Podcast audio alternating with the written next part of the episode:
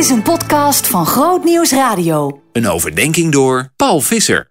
We hoorden net in dat gedeelte over die overvloed aan wonderen. Mensen kwamen zelfs van heinde en verderop af. Om er een graantje van mee te pikken, zou je kunnen zeggen. En wie wil dat nou niet? Genezing, herstel. Dat verlang je allemaal. Maar ja, je moet het wel even lezen in zijn verband. Ik heb daar zojuist al wat over gezegd. Het gebeurde in Jeruzalem, er was veel verzet. En de apostelen hadden gevraagd om vrijmoedigheid, om toch niet het zwijgen ertoe te doen. En daarbij of God dan zelf door tekenen en wonderen wilde laten zien. Dat hij echt te leven is en dat wat zij te zeggen hebben, maar niet een verhaaltje is zelf bedacht, maar een werkelijkheid waar we van mogen leven. En dat God zo zelf door die tekenen en wonderen heen deuren opent. En ja, dat kan, door tekenen en wonderen, als een breekijzer van de hemel om harten te openen, daar waar veel verzet is. Daar mag je ook altijd op hopen. En ik heb daar ook verhalen van gehoord van bijvoorbeeld Iraanse christenen. Op wat voor bijzondere manieren God in die werkelijkheid tekenen en wonderen gaf en geeft om mensen in te winnen voor dat onmogelijke van het evangelie, zodat mensen zich gewonnen geven. Of, ja, dat kan ook als een troost. Daar waar je de moed verliezen zou, dan toch even zo'n signaal van de hemel. Een ingrijpen waardoor je weer weet, de macht is toch aan hem, al worden we nu nog onder de voet gelopen. Dus ja, geen woord daarvan af, maar wee gebeente als je hier een algemene regel van maakt en denkt, nou ja, dan is alles onder handbereik. Dat is niet waar.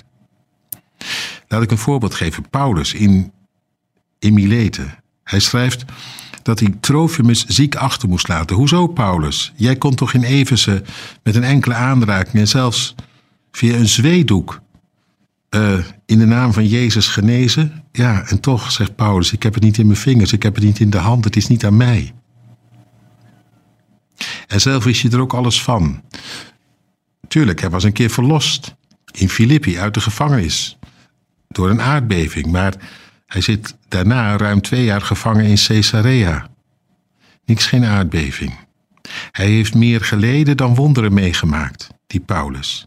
En hij moet het doen met de hoop dat hij meer dan overwinnaar is door hem die hem heeft liefgehad, Christus. Maar intussen dat het nog lijden is en zuchten en pijn en gebrokenheid.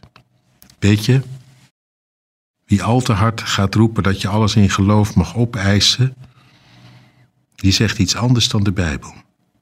En trouwens, ik vind het ook een zielige vertoning. Hebben de apostelen zoiets ooit gezegd? Je moet krachtiger geloven. En dan zul je eens wat zien en beleven. Het ziet er voor mij vaak uit als een kind dat blijft dreinen om zijn zin te krijgen. Het is meer een soort verwend geloven dan volwassen geloven. Als je denkt dat alles in Jezus binnen handbereik is, als je maar voldoende in de overwinning gaat staan die jou is bereid. Weet je, het is ook een fout idee.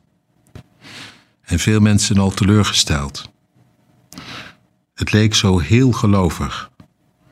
Maar als je niet oppast, kun je er zomaar ongelovig van worden, omdat het niet uitkomt wat jij had bedacht en elkaar had wijsgemaakt. Heel wat mensen zijn er al op afgeknapt. Daarom zou ik zeggen: toe. Laten we ons laten leiden door de schrift, door het evangelie. Volwassen geloof is dit: hopen op God, tegen de verdrukking in door de tranen heen, totdat hij komt.